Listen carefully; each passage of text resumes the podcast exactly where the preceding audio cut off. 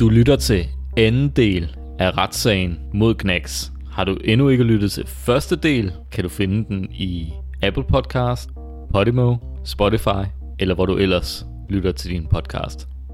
Dette er som sagt anden del af vores musikhistoriske retssag mod Knacks. Guderne skal vide, at første del måske ikke er det mest kritiske, vi har foretaget os, men der kommer en regning efter festen. Der kommer tømmermænd, og denne anden del af vores retssag mod Knacks kommer i høj grad til at dreje sig om det negative. Jeg var forsvar i første afsnit, og nu er det som i lod at være anklager i andet afsnit, der samler op, hvor første afsnit sluttede, nemlig efter Mr. Swinking. Dagens forsvar er Jeppe, der heldigvis har haft en vis berøringsflade med, med datidens Knacks, så forhåbentlig har en gode forudsætninger for at sørge for, at det her ikke bliver et stor forfaldsfortælling. Du lytter til Forbrydelser mod musikhistorien.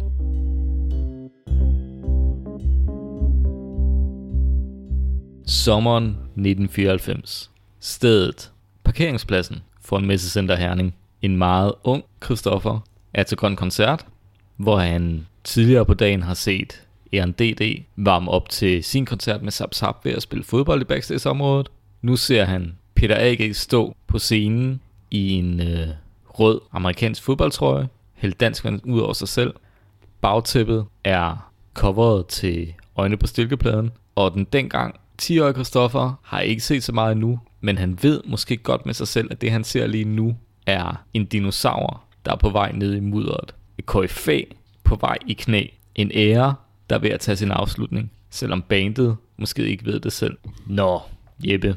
Ja, Christoffer. Nu har vi jo talt, må man sige, længe om uh, Gnaxes storhedstid, og nu er vi nået frem til...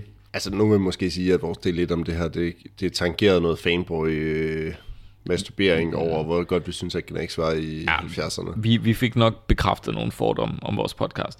Men, øh, men, men det må være, for nu er vi fremme i øh, år 1991. To år efter Mr. Swing King. Hvad, sk- hvad sker der i Danmark på det her tidspunkt? Poul Slytter er stadigvæk statsminister. Jeg tror, vi begyndte i skole, begge to. Ja, 91 var der, hvor vi begynder i øh, folkeskolen. Ikke? Vi er Ja. ja. begge to årgang 85, ikke? Ja. Jeg husker øh, et øh, dansk fodboldlandshold, som øh, næsten var ved at klare sig til E EM 92, Ja, men, øh, men ikke noget det. men ikke noget der. Jeg kan huske, at øh, Den Lygtemandens sang udkommer i 1991, og det er jo øh, opfølgeren til Mr. Swing King. Det rammer det det ikke meget godt? Det er en opfølger til Mr. Swing King. Jo, lige, lige præcis. Altså, mine egne minder for den plade var, at øh, min bror, tror jeg, fik den i fødselsdagsgave, eller ønskede sig den, eller købte den. Jeg kan huske, at... Øh, Altså det skal lige sige, at Christoffers bror på det tidspunkt var 87 år gammel. I hvert fald år, år, årgang 87, ikke?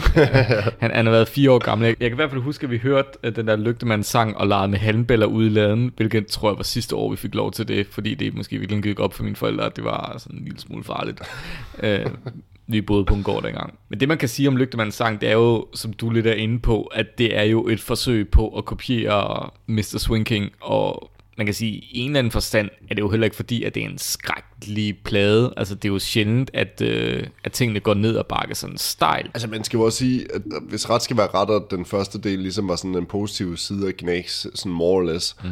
øh, kunne man jo også godt have taget Lygtemandens sang med. Det er jo ikke fordi, at den plade, man bløder, ens ører bløder jo ikke ved at høre den der plade, og jeg synes også, at der er nogle ualmindeligt stærke numre på den plade. Men man kommer ikke udenom, at det er her Gnaxon for alvor begynder at kopiere sig selv. Altså man plejer at sige med David Bowie, at øh, der hvor hans karriere gik ned ad bakke, det var da han lavede opfølgeren til Let's Dance, Glass Spider, eller, men eller det nej, altså, et eller andet Tonight. Det er sådan set også ligegyldigt. Det er heller ikke de der David Bowie-plader, man lytter til. Ved, Ja, altså. det der i hvert fald var pointen var, at David Bowie på det tidspunkt gik fra altid at forsøge at forny sig selv, til at forsøge at kopiere sig selv. Og man kan sige, at Gnax jo i virkeligheden også har fornyet sig selv indtil da på det her tidspunkt. Større eller mindre grad, ikke? Men på Lygtemandens sang er det meget, meget tydeligt, at de forsøger at kopiere en succes.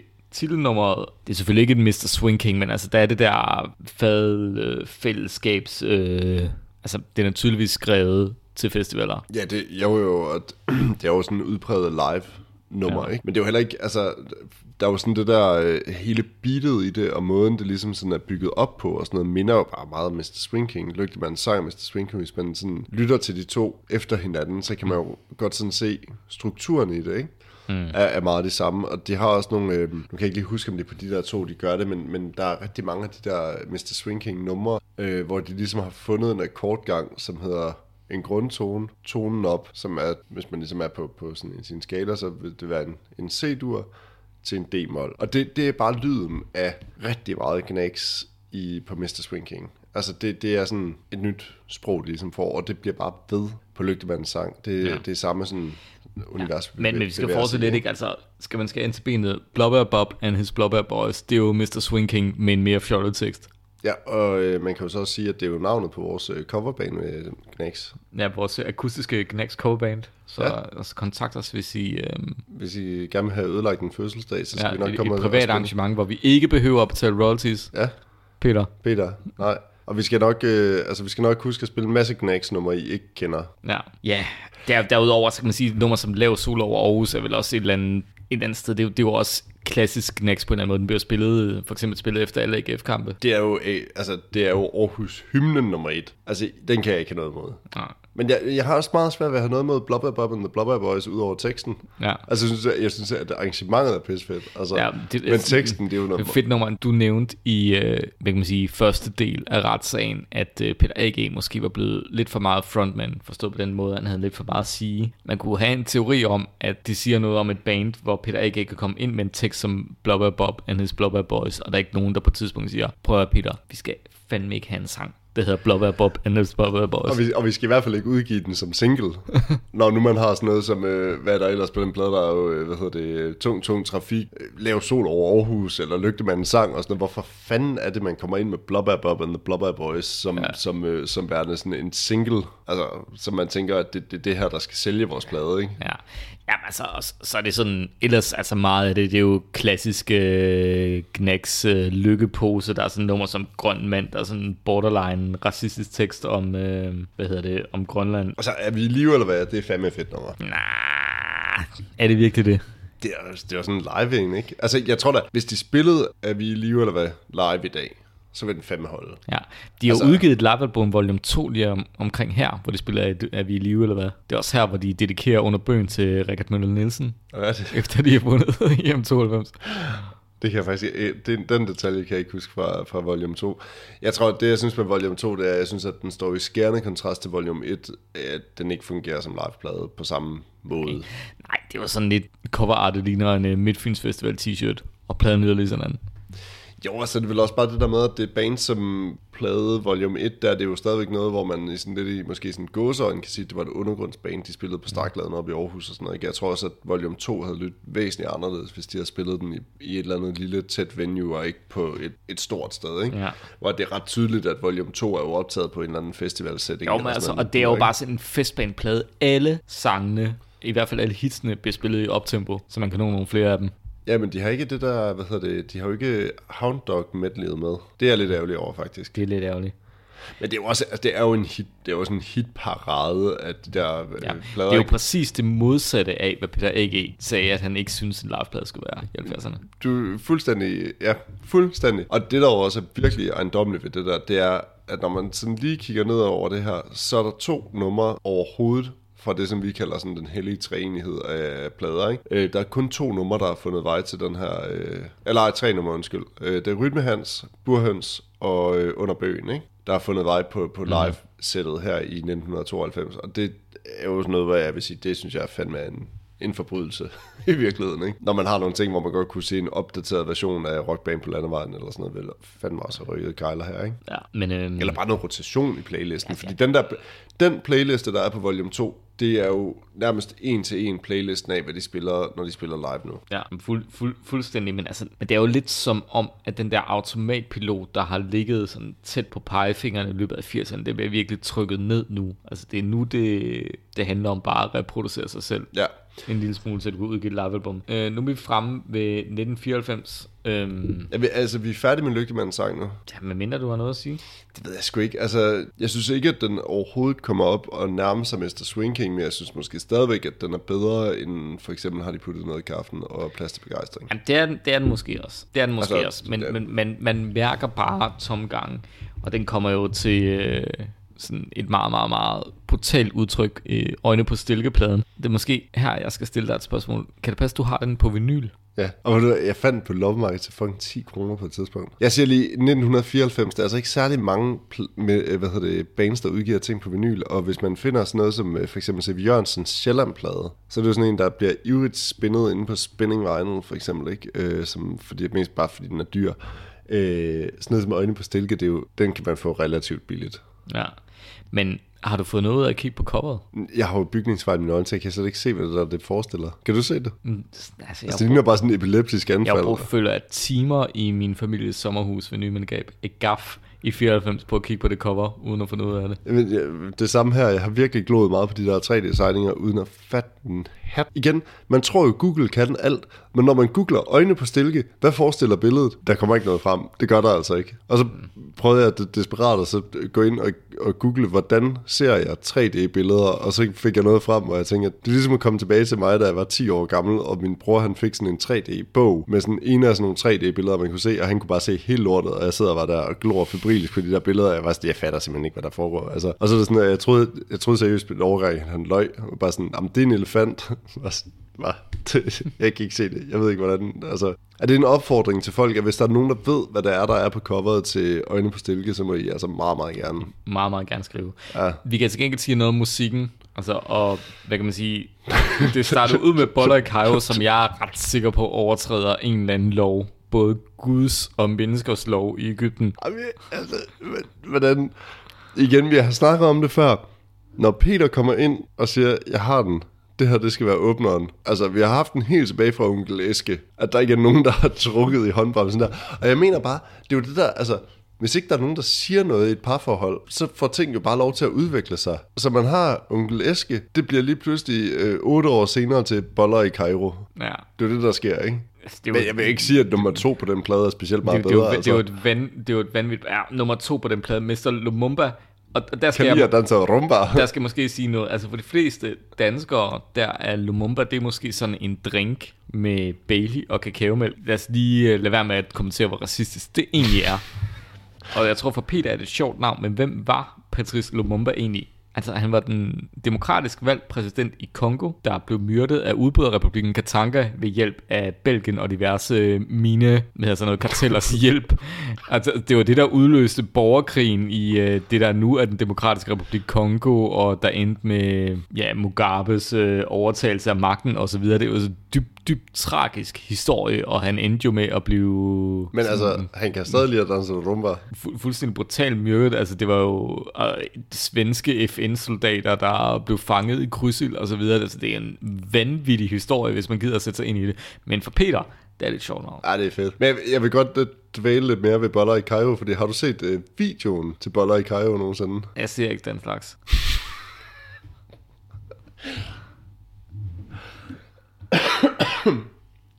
Men altså, jeg tænker bare sådan, altså, har der siddet en eller anden radiovært et sted, og skal præsentere, her er Gnags nye single, den hedder Boller i Cairo. Jeg, jeg, kan- jeg er fuldstændig mundlam. Hvordan, Jeg kan, jeg kan huske, der var sådan nogle indslag med, at Peter A.G. afviste, at det jo var baseret på personlige oplevelser. Ja, man kan jo vende det her rundt på utrolig mange måder, men man kan også bare vende rundt og sige, at det måske er et band, der er løbet lidt tør for idéer her. Og at, og at det er en Peter, som aldrig nogensinde har fået et nej. Og må, måske den eneste, der har sagt øh, nej, det er Jens, og så er de kommet op og slås, ikke? Mm. Og så har Peter måske vundet, og så, så er det bare blevet sådan. Jakob og Per og øh, især Ivan og sådan noget, slår mig jo ikke som mennesker, der sådan gider at tage sådan en diskussion med Peter, for eksempel. Altså, jeg tror ikke, jeg gad at diskutere med Peter ikke. Jeg tænker, Mads Mikkelsen er skidelig glad. Han kommer bare ind og spiller trommerne, og så er det fint. Jo, men altså, han kommer ind som underdog. Men altså, resten af den her plade, det var sådan en mærkelig blanding af de der 90'er sample, og så er der pludselig sådan et rocknummer, der kunne være med på... Øh, jeg vil ikke sige, at det kunne være med på Burhøns, men det er sådan tydeligvis skabt i den øh, skabelon, ikke? 10.000 arbejdsløse. Ja, og Bill og Ben. Ja, men det er også, der sker jo også bare noget med plader på det her tidspunkt, det er, at de bliver så fucking lange, altså. Der er, der er 14 skæringer på den her plade, ikke? Ja. Og de kommer også vidt omkring, ikke? Så er der den der Vestenvinden, der sådan lyder det der run rig. ja, altså, jeg må også måske krybe lidt til korset og sige, jeg tror, du har lyttet den lidt mere intens, end jeg har Hvad kan jeg, sige? op Jeg, til jeg er dagens sikker på, afsnit. at du har hørt det nummer, der hedder Vintersøndag i København. Jamen, det har jeg. For det lyder 100% ligesom Lav Sol og Aarhus. Ja. Det er også lidt samme tema, det er bare i København, ikke? Altså, Ja. Jeg, har- jeg har mine noter, der står her. Hold kæft, hvor er det album egentlig langt. Og det er sindssygt langt. Men igen, det er jo set ens forbandelse i, i virkeligheden, der i starten af 90'erne. Ikke? Det er ting bare, kæft, det trækker ud. Ikke? Altså, det er jo frygteligt at lytte sig igennem de der ting, fordi det bare... Der er jo ikke nogen, der på et år skriver 14 nye, fantastiske numre, vel? Altså, det er der jo ikke. Nu er der godt nok gået tre år fra øh, Lygtemandens sang, og så til, til, hvad hedder det, Øjne på Stilke.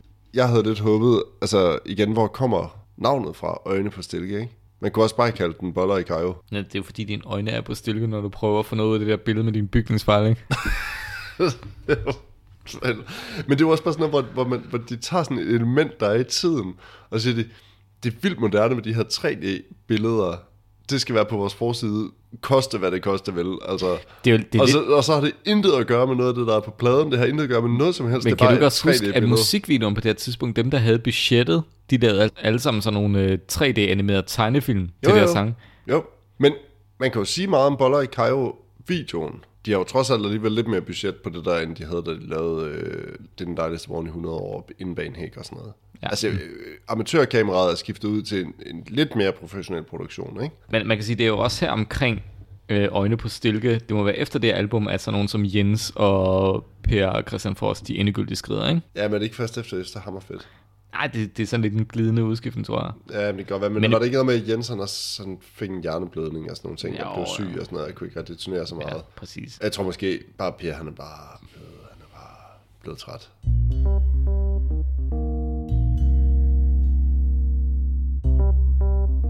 Vi skal også lige forbi Jøster Hammerfeldt. ja. Og lad mig starte med at sige... Øh, Jeg vil jo sige, du havde jo faktisk et øh, øgenavn, dengang du var yngre. Jøster? Ja, Ja, kommer det derfra? Det kan jeg ikke huske, måske. Nej, jeg ved det ikke, jeg har ikke gået på efterskole med dig, men der er måske nogen fra din Spørg efterskole. der Rune. Tjørn. Altså man kan jo sige, at det er en slightly kortere plade Ja. end uh, Boiler Jeg har bare et spørgsmål. Altså, hvorfor er det, de planker introen til øh, Dogstar Man med sort sol på det første nummer? Jamen, der er jo mange ting med den der plade, jeg ikke helt fatter. Det, det hele lyder fuldstændig som den der, øh, hvad hedder den, Kiss Me, Kiss Me med Caroline Henderson. Altså det, det lyder som sådan en, øh, hvad hedder den, hedder den ikke det? Jo. Altså det lyder som sådan en Blackman Remy øh, produktion, det der. Ja, altså Sådan umiddelbart, jeg, jeg, jeg har skrevet, at det umiddelbart sådan starter lidt bedre end de andre plader, men så begynder det bare at være dårligt. Men altså, har Peter været meget, meget sur, da han har skrevet Jeg tror, plade? han er ved at blive skilt, fordi det er også men for- bemærket det der med, gå hjem og hold din mund. Hvad fanden er det for noget, altså? Han virker pisse sur. Men helt vildt, altså. Ah, men det, ja, og så er der noget, der hedder undskyld. Altså, men det, han, at den, han er virkelig op på tæerne der, altså. Men det, det er bare sådan noget med, alt det lort, du lukker ud og sådan noget. Og... Det, jeg godt kan lide ved de her plader fra øh, 94, og er den ikke fra 96 eller sådan noget, det er, at jeg kan vildt godt lide, at der er udgivet sindssygt mange sådan remix af dem. Altså, det er jo sådan, der er også svar på sådan at blive det nye, øh, ja, altså på en eller anden vis, som jeg også har sagt før, det, det, det er et band, der på sin vis er ret god til sådan at spotte tendenser og være sådan first mover på ret mange ting og sådan noget. Det er de jo sådan set også på de her plader, og problemet er jo bare, at materialet bare ikke er godt nok. På nogen som helst måde godt nok. Men når det så er sagt, så laver de jo faktisk nogle dub-versioner øh, af, øh, af deres øh, numre og sådan noget. Ja. Altså, og alle mulige mærkelige remix, som man sagtens kan forestille sig, egentlig et eller andet sted godt kunne have fungeret på et diskotek i midt 90'erne. Men, men, men altså, når de nu laver alle de der dub remixes og så videre, kunne de så ikke lade være med at have de der trip-hop samples ind i selve albumet? Det lyder af helvede til. Jamen, de gør det. Det er fandme ikke særlig elegant lavet, det er der altså ikke. Men ret skal være ret. Alle albums lyder på den der måde. Der skulle være de der sådan... Sådan... De der små samples ind i alle numre, ikke? Jo, jo, jo. Og så det hele er sådan lidt bundet, der er meget sådan sop i det. Altså, og, øh, og, og man kan også mærke, at det her, de begynder at korte trommer op og sådan nogle ting. Mm. Ikke? Altså, man kan godt høre, at det er Mads, der spiller, men det er ikke... Det er bare, det er bare kottet i et eller andet program, mm. så det bliver sådan super øh, tight og stringent, ikke? Ja, fuldstændig Øhm. rigtigt. Ja, men rigtig dejligt. Men jeg, jeg tror måske også det her, øh, her omkring, at øh, Peter ikke bliver skilt. Så kan man måske forklare, hvorfor han er usædvanligt pisse sur i sine tekster. psykosur, altså. Men jeg tror også, altså, ret skal jo også være ret. Jeg tror, Øster Hammerfedt, det var sådan en, der blev udgivet, og så blev den glemt, ikke? Ja. Altså, det er jo ikke... Og Jeg det tror var også måske der, jeg så dem live på Grøn Koncert Er øh, på Østerhavnfeldturen. Fuck, mand, jeg, ikke, er- jeg, jeg, jeg ringede til min mor i dag for at høre, om vi var inde og se den, vi kunne hun ikke huske. Hvad har man sådan en motor, hvis man kan huske sådan nogle ting? Altså, store epokegørende øjeblikke. Det kan også være, at D&D har spillet på øh, den samme grønne Nej, de spillede året før, det så okay. Okay. det så.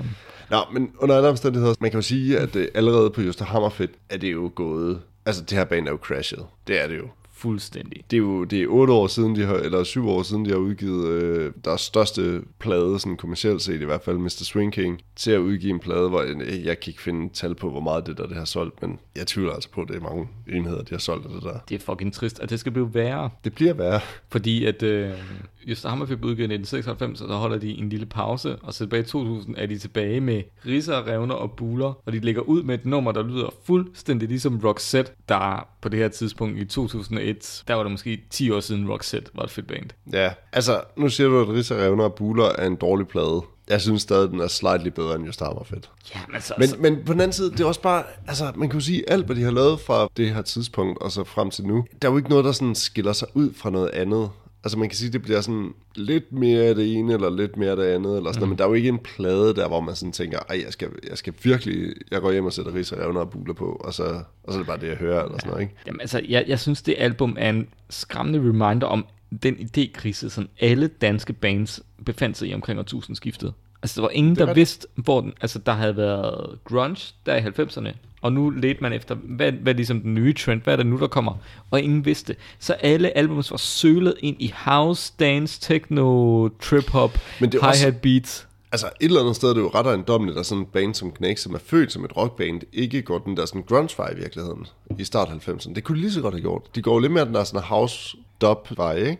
Og jeg vil sige, Risa, Revner og Buler er jo sådan en parentes i deres diskografi. Ja, den kommer jo det- ikke... Altså, Det er et skram, men det er en skram, giver en skræmmende indsigt i, hvordan det er at være parforhold med Peter ikke, ikke? jo, Sådan, sådan en tekst med, at øh, hjerter i rødbeden på din madpakke. Der er en hjerterødbede på mit liv på mad. Peter elsker mig. eller nu må vi måske også sige, at Peter sådan var løbet lidt tør for inspiration, og så skriver han bare om det, han nu engang ser, ikke? Jamen, Som jeg- måske også vil sige, at gør sig gældende for alle de resten af de plader, der kommer. Jeg synes, der er et sted, han... Øh, jeg ved ikke, om han får inspiration derfra, eller bare lader som om, men der er utrolig mange af hans tekster herfra, der handler om at gå på klub og gå på diskotek, og hvad der sker der. Jo, men kan du, altså, er han ikke også inde i sådan en... Øh, hvad, hvad er han på det her tidspunkt? Sådan 50, slut 40'erne, 50?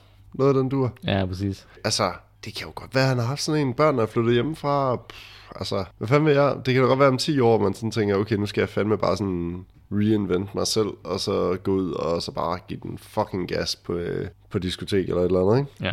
Man kan sige, at det der ved skønhedspladser er, at når man lytter til den i en uh, wigwam-kontekst, der, er jo- der er jo kommet kort tid. Ja. efter, så er den ekstremt underholdende. Det jeg ikke forstår ved de der plader, det er, jeg forstår faktisk ikke hvorfor, altså da jeg lige lyttede dem igennem og sådan noget, og jeg tænkte sådan, jeg havde rimelig godt styr på min Knacks biografi, mm. øh, diskografi som sådan, og jeg tænkte, der er boller i Kajo, og så er det just hammerfedt, og så ved jeg, der er ris, revner og buler, og så er der nogle flere plader, og jeg tænkte, der er der ikke så mange. Og så viser det sig, at der er jo fandme otte studiealbums eller sådan et eller andet, hvor man bare sådan, fuck, hold kæft, det er meget. Og de har virkelig udgivet meget alligevel, selvom der er sådan et år imellem, så det er jo bare mange år siden, de har udgivet Risa Evner og Ja. Buler alligevel, ikke? Det er jo 20 år siden nu her, ikke? Der er jo dog et nummer på øh, skønhedspletter, som, øh, som jeg synes, der er værd at fremhæve. Ja. Prøv at gætte, hvad det er. Er det som vinden blæser med Nej. Thomas Helmig? Nej, det er mesterfotografen. Åh, oh, den er så dårlig. jeg, det, jeg, jeg, jeg skriver for min, jeg citerer for mine noter her. Et trafikuheld tilsat reggae beat og scratch. Teksten er en katastrofe. Det er så vildt. Det er så fucking vildt. Jeg kan simpelthen ikke... Og igen, der er 13 numre på den plade der. Altså, bare lige, for, bare, lige, bare lige for sådan at give et indtryk af, hvor mange numre de rent faktisk har skrevet siden Lygtemandens sang, ikke? Så er der 14 numre på Boller i Kajo, hvor jeg er helt sikker på, at langt de fleste mennesker, de kender ingen numre derfra overhovedet. Der er 12 numre på Øster Hammerfedt, hvor jeg er sikker på, ingen kender nogen af de numre overhovedet. Der er 12 numre på Risse, Revner og Buler. Ingen kender dem. Måske kender de Risse, Revner og Buler, fordi man kan huske det fra den gang. Det ved jeg ikke. Så er der skønhedspletter. Ingen kender nogen numre overhovedet. Der er 13 numre på det. Øh, så er der Dr. Legeplads, hvor der selvfølgelig er hittet Dr. Legeplads, ikke? Men der er også fucking 14 numre på den plade, ikke? Ja, vi skal, jeg måske lige rette dig med, at ingen kender øh, numrene på skønhedsblætter. Jeg er ret sikker på, at folk kender Gør mig lykkelig nu med Kim Larsen, som øh, Svaneduen i sneen har planket 100%. Har de nu også det? Ja, jamen, det er så meget. Så er der sådan en Green Day guitar på, nogle, på det årlige check. Og Altså noget, jeg faktisk godt kan lide fra der om, omkring år 2000, ikke, det er jo, at øh, de får Mika med. Og meget kan man sige om Mika, men han kan satme godt nok finde ud af at spille spade. Og i start 2000 var det altså stadigvæk et temmelig habil liveband. Knæks, ikke? Altså, de har jo stadigvæk... var det der, masser- du var med dem på tur? Ja. de spillede fedt, det gjorde de altså, og det var et fedt, øh, altså det var stadigvæk, altså Ivan var stadigvæk med, og de havde Mika med på, på guitar, og Jakob og og Mads og så videre, ikke? Og det var så, Jens var jo ude af banet på det her tidspunkt, ikke? Nå, men øh, Jens G. vendte heldigvis tilbage som producer på Skitserne Strøm fra 2003. Det er jo så efter... Nej, hey, på det, du har da, øh, du, du har misset en plade, du. Dr. Legeplads. Nej, den kommer efter Skitserne Strøm. Skitserne Strøm er sgu da 2013, er det ikke det? Nej. Det står der på Discogs. Hvad fanden? Nej, men er gør den det? Ja, Skønhedsblætter 2002. Er det mig, der... Altså ifølge... Øh, jo. Nej, Skitsernes Strøm er 2003, det, du har ret. Ja, sorry, det er mig, der... Du har ret, Christoffer. Undskyld, jeg skal, jeg skal lige være med her. Skitsernes Strøm er fra 2003, men på Spotify står der, at Skitsernes Strøm er fra 2013. Er du sikker på det? Ja, 100. jeg har den stående lige frem for mig, for mig her. Ja, på min Spotify står der Skitserne Strøm fra 2013. Ja, 2013, men den er fra 2003. Hvornår skønhedsspiller sig fra? 2002. Nå, fanden. Nå, Ja. never mind. Det er jo heller ikke fordi, at det gør det helt vilde ved, ved noget som helst. Ja. Altså Skitsernes Strøm, jeg tænker, at det er der måske ikke Nej, så mange, altså, der sådan, man kan i hvert fald sige, at øh, har nært og kærligt forhold til. Jen, Jen, Jens G. er produceret, så lyden er knap så 90'er-agtig, men den lyder heller ikke som Knacks. Og igen sådan nogle pinlige tekster, sådan noget Mr. DJ og sange om at gå på DJ's og dansegulve og klubber og så videre. Og Kan man ikke godt måske lidt tænke, at Gnax på det her tidspunkt håbede lidt på at få sådan et øh, rigtig stort klubhit? Lidt, lidt ligesom sådan noget øh, Junior Senior, eller dengang Ben Fabric øh, med det der, hvad Ja. fanden var det, han lavede? jeg, jeg, jeg tror, at Peter er typen, der et eller andet sted ser det som det mest naturlige i verden, at når Knacks udgiver en ny plade, så er der et eller andet galt, hvis sangene ikke kommer i heavy rotation på B3. Ja, det kan sgu godt være, du har ret i det, men jeg tror måske mere, de har sigtet efter det der sådan, øh, diskotekselementet i det her. Altså det der med lige pludselig at have sådan et nummer, der bare sådan er en, er en ørehænger, og det er en ørehænger, fordi det bare sådan er dansevenligt, og ja, det ved jeg ikke, om jeg, det kan godt være, jeg er forkert på den der, ikke? Men, men, øh, men jeg synes, det er sådan, det lyder i hvert fald, Det kan sagtens på de, være. på de der plader der. Nu er vi kommet til det punkt i de sene Knacks, hvor der sker et lille bitte paradigmeskifte. Og det starter vel egentlig med, at Peter Ikke han medvirker på Bliv Glades debutplade, ikke? Jo, men hvornår er det, det sker? Det er 2002, tre stykker eller sådan noget? Nej, det er senere. Er det dem? Det er sådan noget 2006-agtigt. Okay. I hvert fald... Ja, kærlighed, kærlighed til folk er fra 2007. den her nye års reggae scene, det er jo et kapitel for sig. Altså, der er jo blond, og så er der ikke nogen andre bands. ja, nej, jeg vil, jeg vil også sige, men det er, også, det er jo også der, hvor det, det får sådan et ærgerligt revival, det der reggae shit der, ikke? Altså, som vi jo snakkede om i del 1, at, det er måske også noget som det der nummer med Blik Glad, ikke? Hvor, hvor Peter ikke er med lige pludselig, at det er jo også noget, der sådan er med til at cementere Gnax som værende et reggae-band, ikke? Og det, det er jo... Det, det er super ærgerligt. Men hvad kan man sige, de vender tilbage øh, med Dr. Legepladsen i den der reggae-indpakning. Jeg kan man sige, produktionen lyder lidt bedre, men jeg er simpelthen nødt til at sige, at altså nedturen, den rammer bunden, når de udgiver den første single, der så tydeligt refererer til, øh, hvad hedder sådan noget, børnelokkeri. Dr. Legepladsen. Altså, Det var det med smørkanden, med smørkanden og... det der med, med smørkanden fuld af swing og tålmodig sådan en albatros i modvind. Altså en Dr. Legepladsen sidder der og venter et buskage på, at der kommer et barn, der kommer lidt for langt væk i gennemleg, og så har han bare smørkanden fuld af swing. Ej, nu læser du også ting ind i det. Altså, jeg synes måske, at på Dr. Legeplads, at de sådan finder tilbage til noget af det, som gør, at man godt gider at høre Knacks. Altså, jeg synes, Dr. Legeplads som plade er den bedste plade, hvis man overhovedet kan tale om det, den bedste plade siden øh, Lygtemandens sang. Altså, det, det, er du ret i, det er du for min ret i, men altså sammenligningsgrundlaget er jo også fuldstændig katastrof- katastrofalt, men der sker jo det positive, at Peter A.G. han finder ud af, at han måske i virkeligheden burde lave nogle soloplader. Ja, og de er jo ret fede, men jeg synes faktisk, der er nogle ting med de der sådan, øh, fra Dr. Legeplads og frem plader, og måske også sådan der på Skitsernes Drøm og sådan noget. Der, der kommer sådan et underligt metalag på alle pladerne, og jeg ved ikke, om det er sådan en god eller en dårlig ting, men det er som om, at det der med, sådan, hvor, hvor mange gange kan man omfavne sin egen fortid. Der er jo en, en, noget smukt i, hvis man gør det en gang. Ikke? Mm. Der er noget smukt i at referere tilbage til et eller andet, der stod for en som, ja, som ja. noget stort eller sådan noget. Ikke? Ja, ja, Men, altså, altså... men at gøre det i 2008 på Dr. Legeplads, øh, hvor de så tydeligt refererer tilbage til for eksempel Mr. Swing King og sådan noget, ikke? Mm. Altså, øh, og ting, der er sket i gamle dage, og dengang han var dreng, og så huskede jeg, at han gik på en vej i skærn, og hvad fanden han nu ellers synger om og sådan noget, ikke? Og så gør han det igen, og så gør han det igen. Og så synger han, Gud hjælp mig også en sang på en af de senere plader om de vilde kaniner, som er vilde endnu, og hvad han blev formet af og sådan noget. Og, og det er meget sådan, det er bare meget tilbageskuende på en eller anden måde, ikke? Det havde været fedt, hvis han havde gjort det en gang, men de sidste mange plader der fra Dr. Legeplads og frem, det er jo det, der sådan er hele backbone i det jo. Det er jo sådan et Gnags pastiche i virkeligheden, ikke? Ja, men altså, hvis vi lige kort skal komme ind på de plader, der kommer efter, så er vi i virkeligheden fremme ved, ved endnu et, øh, kan man sige... Men altså, er der ikke også noget med det der med, at de plader, der kommer efter, altså det er jo, det er jo Nørd og Robot Altså, altså Nørd er jo, er jo Peter A.G. soloalbum udgivet som Gnags album, ikke? Ja, og så har han fået øh, Per Frostberg på guitar, hvilket kun har gjort, at det er bedre. Det lyder mere gamle knæks, ikke? Jeg synes bare, at det der er meget ejendomligt fra Dr. Legepladsen, det er, at det er på det tidspunkt, hvor Peter A.G. også begynder at være sådan en heavy rotation i at komme i Godmorgen Danmark og sådan noget, ikke? Mm.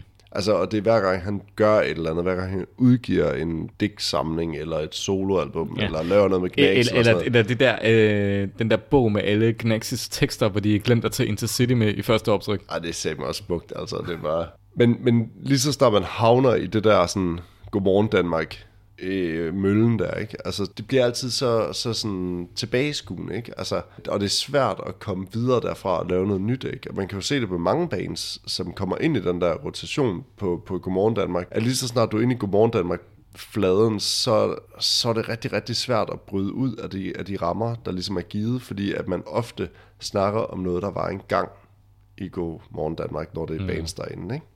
Og så igen, så kan man måske også sige det der med, sådan, at der er jo også de laver bare nogle plader, der lyder meget, meget ens på det her tidspunkt, ikke? Altså, det er svært at skille de enkelte plader fra hinanden, ikke? Ja, det behøver man måske heller ikke at gøre. Altså et eller andet sted er Gnax jo endegyldigt røget i den der Slayer-fælde, ikke? Altså hvor de spiller nogle nye numre en gang imellem, altså når man hører dem live, ikke? Altså Peter Ikke, han er, laver troligt et eller andet finte med at sige, hvad siger I? Vi hører nogle af de nye numre. Ja. Ja, fint. Spiller vi dem. Men man kan sige, det der er sket for Knæks nu, det er jo, at de i og med, at de har fået Per Christian Frosten med, altså de på en eller anden måde reddet lidt af æren. Altså de, de virker ikke på samme måde ynkelige, som de gjorde op igennem 90'erne og 0'erne. Ja.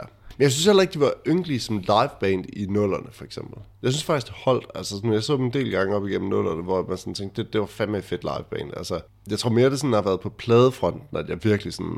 Ja. Ui, den er altså hård, ikke? Ja, men altså, det har været fucking lyden af en midtvejskris, ikke? Altså, det der med samples, det der med klub og disco, ikke? Altså, det er jo sådan lidt det der voksne mennesker, der prøver at skrive sange om det, de tror, unge mennesker gerne vil høre noget om, ikke? Altså, jeg vil jo mene, den sidste rigtige knæksplade, det er, det er øjnene på stilke. Ja, det er det men det er også fordi, den har det der gakkede element i sig. Altså, den er jo, den er jo whack på en eller anden måde. For mig at se, så øjnene på stilke, det er sådan dansende blå linealer på speed, ikke? Altså, det, mm. er sådan, det, det er der, det kom hen. Men efter det, så er det bare sådan svært at sige, hvor, hvor skal vi så hen, ikke? Altså, sådan, hvor... Altså, så kommer det jo så hammerfedt, som er bare sådan en... Peter er super, han er ved at blive skilt, eller et eller andet plade, ikke? Og folk er sådan lidt ligeglade, og de par stykker er på vej ud af bandet, og Ivan siger ikke noget, og Mads han er bare sådan, jamen jeg kan jo bare spille og sådan noget, ikke? og så, så sker der bare nogle ting, som er sådan virkelig weird. Ja. Og de får lov til at udgive nogle ting, fordi de bare selv udgiver det. Så der er jo ikke nogen, der, der er jo ikke nogen kontrol, der er jo ikke, der er jo, jo. ingen redaktør på, der siger sådan, skal, skal, ah. Vi skal måske også rumme det elefant i rummet, der er Wigwam-turen, ikke? Jo, det er selvfølgelig rigtigt, men det er jo også noget, der rammer ned i den der sådan, uh, konstruktion af Knacks, ikke? Jeg tror, du er bedre ind i det end mig, men det der med, hvad er deres position i forhold til Rock On? Deres position er, at de var med til at danne Rock On, og deres forklaring har været, at ideen med Rock On er jo, at ligesom de har haft deres penge stående, og så fik Gnex udbetalt et eller andet beløb, som er en form for løn, eller hvad skal man sige, aflønning øh, i løbet af året. Ikke? Hvad kan man sige? Så kommer den her Wigwam turné, og det ligger nok også lidt i korten, at noget af det, som de har problemer med Gnax er, at de ikke er blevet inviteret med på turnéen. Ja, sådan både og, ikke? De kan vel som sådan være ligeglade. Jeg tror ikke, de er ligeglade med, at deres penge forsvinder, fordi Nej. der er nogen, der laver en, en... Altså igen, det er jo et band, der har bygget det der op over rigtig, rigtig, rigtig, rigtig altså, der, mange der, år. Der er, ingen, der er ingen tvivl om, at der er blevet begået en uret mod Gnax og, og Marie Frank og så videre. Altså, faxene lyder jo ikke... Altså, du kan jo ikke tjene penge på turnévirksomhed, og så bare sådan se det forsvinde. Nej, men altså det, det kan man jo ikke. Det, er der jo, det vil der jo ikke være nogen, der vil være villige til. Altså. Men på en eller anden måde er det også bare sådan en anden... Jeg, tror hele processen også har sådan forstærket en eller anden opfattelse af, at Gnax virkelig blev øh, ydmyget på en eller anden måde. Ikke nok med, at når man skal lave en live-turné i Danmark, der skal tiltrække mennesker, altså tjene penge rundt omkring i Danmark, ikke bare i København, men i hele landet, at man ikke har tænkt, det kunne godt være, det var en god idé at få Gnax med på line-uppet. Jo, måske var de bare ikke store nok på det her tidspunkt. Ja, men hold, hold nu op. Altså, vil du bilde mig ind, at hvor, hvor var Wigwam turnéen hen? Den var i Aalborg og Aarhus og Odense. Odense. Ikke? Vil du virkelig bilde mig ind, at Erik Gart trækker flere mennesker i Aalborg, end Knacks. Nej, men det, du skal jo også sammensætte, en, du skal jo sammensætte et program, ikke? Altså, den, de skulle nok have spillet den dag med D&D og Sort Sol og sådan noget, ikke? Altså, det, det, eller måske den dag med Thomas Helmi, ikke? Det ved jeg ikke, der, var- der er mange ting, der ligesom skal gå op i en højere enhed, når man skal sammensætte en tur, ikke? Altså, det er jo ikke... Det, det ved jeg sgu ikke. Jeg synes, det er for konspiratorisk, det der med, om de er sure over, om de kommer med på turnéen eller ej. Jeg, jeg, jeg tror vil, bare, jeg, det, jeg, jeg, vil bare sige, jeg vil bare jeg, sige jeg vil sige, at det, i forhold til det der med at føle sig ydmyget, så synes jeg, at de gør det jo glimrende selv, da de jo modtager, hvad hedder det, æresprisen ved Danish Music Awards i 2000. Jeg ved ikke, om, I kan, om der er nogen, der overhovedet kan huske. Dengang Knacks vandt mm. den pris, hvor de kom op på scenen, og Peter A.G., han virker mega stiv, og prøver sig igennem mm. en eller anden takketale og sådan noget, hvor man bare tænker, hvad fanden sker der? Ja, man kan jo ikke finde noget af det der, det alt er slettet på YouTube, men der er ellers et genialt klip af Knacks, der bare sejler rundt på scenen i år 2000, hvor de modtager æresprisen ved Danish Music Awards. Men jeg tror, Wigwam-turen er jo, altså, det er jo et paradigmeskift for mange af dinosaurerne i branchen, ikke? Der er et før og et efter Wigwam for mange bands, ikke? Og mange artister. Simpelthen bare sådan en ren økonomisk årsager. Hvad, hvad er der råd til, hvad er der ikke råd til, ikke? Altså hvis du mister et, nærmest et helt års indkom af turnévirksomhed, det er jo sindssygt mange penge, der er rådet, ikke? Jeg må Virkelig. godt forstå, at man er ondt i røven, ikke? Altså, Men, men, men er ondt i røven, især, især hvis det rammer sammen med noget andet, ikke? Altså, at du måske lidt sådan kæmper for at finde ud af, hvad du er. Altså, det er ret mm. tydeligt, når man kigger på, på Knax's udgivelser der fra midt-90'erne og, og frem til op igennem nullerne, at i virkeligheden er det jo bare, du ved, det er jo et koncept, du holder i live, fordi du ikke rigtig kan gøre andet. Mm. Men dybest set tror jeg, Peter ikke havde mere at sige som soloartist. Ikke, men, ikke at det er super godt, men det var der, han kunne få afløb for alle sine tekster om, hvordan det var, og sådan fiskeskærne over, og hvad fanden han sang eller sådan noget, ikke? Men jeg synes egentlig også, at mange af de der knagsplader, og det er jo sådan, skal jo komme til med forsvar, det er, at hvis man nu ser dem som Peter A.G. solo, spoken word med musik for eksempel. Hvis det, hvis det var det, der sådan var oplægget. Ikke? Så der var rigtig meget af det, der i, på sin vis også fungerer, fordi Peter Agis måde at synge på i de sidste 15 år har jo været meget sådan en, en talende tilgang til det at spille musik. Ikke? Mm. Han har jo egentlig en okay stemme til at synge, men det har jo meget ved at være sådan noget tilgang. Ikke? Nu skal jeg fortælle dig om en gang, jeg gik ned ad åen, og så, og så kører der et eller andet beat om bag Peter, det, ikke? det er du da for gammel til. Ja, lige præcis. Ikke? Altså, det er sådan noget, den der dur. Og det kan jo sådan set også godt være fint nok. Det er bare meget, meget langt væk fra sådan det knæks, vi kender og elsker. Så hvis nu der havde været Peter A.G. solo, så tror jeg, vi havde købt den på en helt anden måde. Og så vil man jo bare sige, de sidste to plader, Nørd og Robot and Roll. Jeg, jeg tror, at Gnags projektet havde stået meget fint, hvis det sidste, der var blevet udgivet, og kom til at blive udgivet under øh, navnet Gnags, det var Nørd. Ja. Robot and Roll, det var, det var ikke godt. Min, min, jeg kører, hvad er det? Mit humør kører guldkaret. Skrækkeligt. Men, Men det altså, er også, kan du forklare mig, hvorfor at øh, første singlen til Nørd af En Lille Brønd, den ligger som nummer 11 skæring på pladen? Altså, jeg, jeg har sagt det før, at deres måde at udvælge singler på, den er helt weird i det band. det er fuldstændig vanvittigt. Men hvis jeg skal opsummere anklagen mod Gnax, så er det jo virkelig lidt af det, du siger. Jeg, jeg tror, jeg vil øh, skære det mere ind til benet og sige, at Gnax havde jo stået sig helt fantastisk, hvis de var stoppet efter Lygtemandens sang, eller måske øh, Øjne på stilke. Ja, Hvis Det de, på enig. en, hvis, hvis de på en eller anden måde ligesom kunne sige, øh, vi stopper nu, fordi så er det der comeback, der måske var kommet, det havde været langt større, de har haft en helt anden position. En ting er at blive ved med at udgive plader, det kan man godt gøre, men det der med at være den der sure, gamle han-elefant, som ikke rigtig kan skrive sange længere, men sådan jeg har en eller anden forventning om, at alle singler fra pladen, de bliver spillet i radioen osv. Det er uskyndt på en eller anden måde. Jamen det er det. Det, det giver jeg dig ret i. Altså, og øhm, Gnags lider under det, som jeg vil kalde sådan Deep Purple-syndromet. Ikke? Altså Deep Purple, da de blev gendannet på, øh, hvad hedder det, Perfect Strangers turnéen, var jo sådan noget, det var jo verdens headliner. Verdens største band.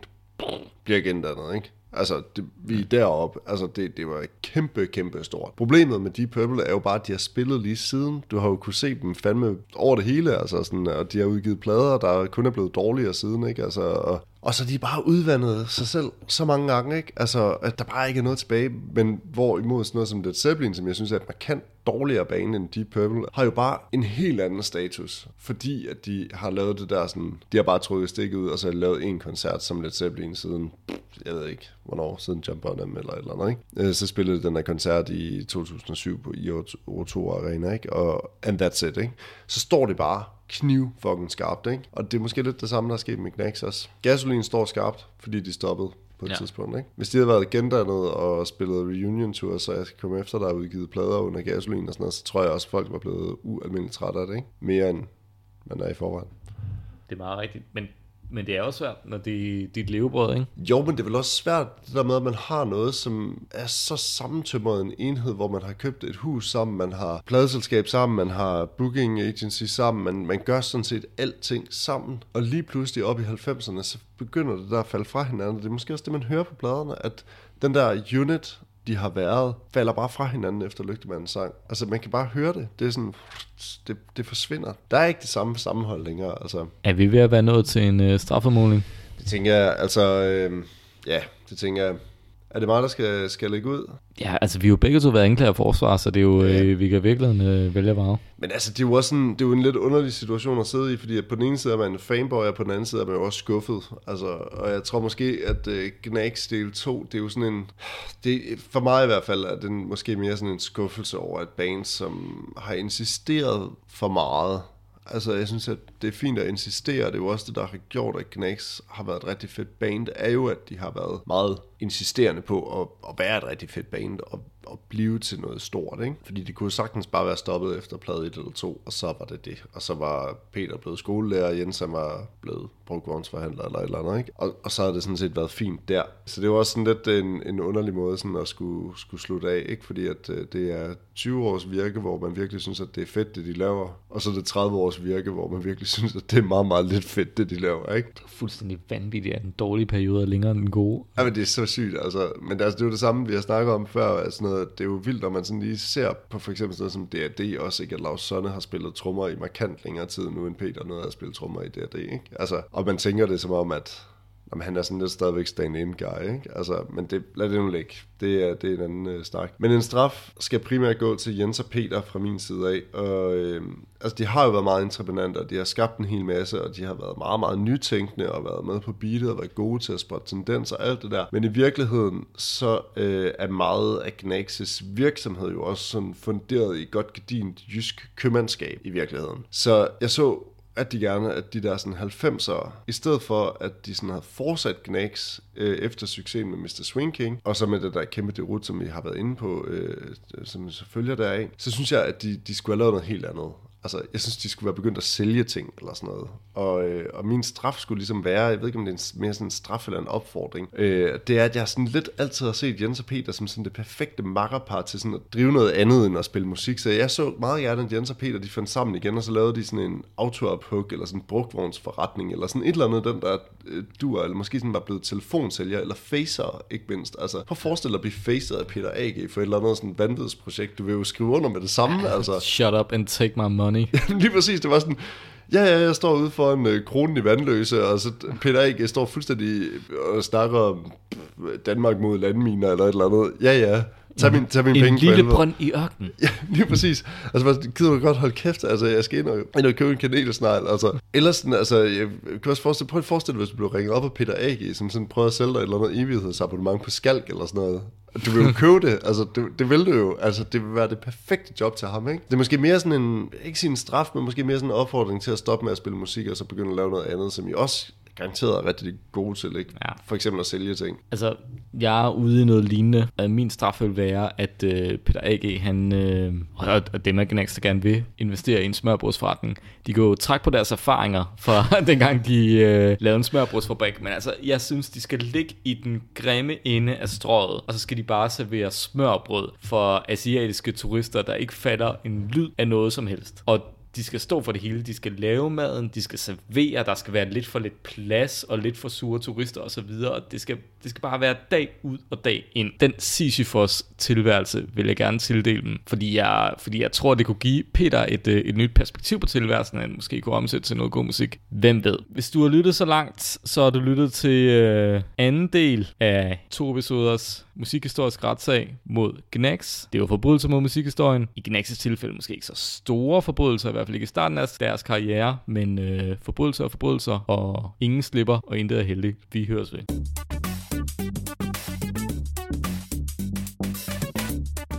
Du har lyttet til Forbrydelser mod musikhistorien. Du finder os i iTunes, på Spotify og på Facebook, hvor du passende kan give os ret, eller belære os om alt det, vi ikke forstår. Intet er heldigt, heller ikke på Facebook.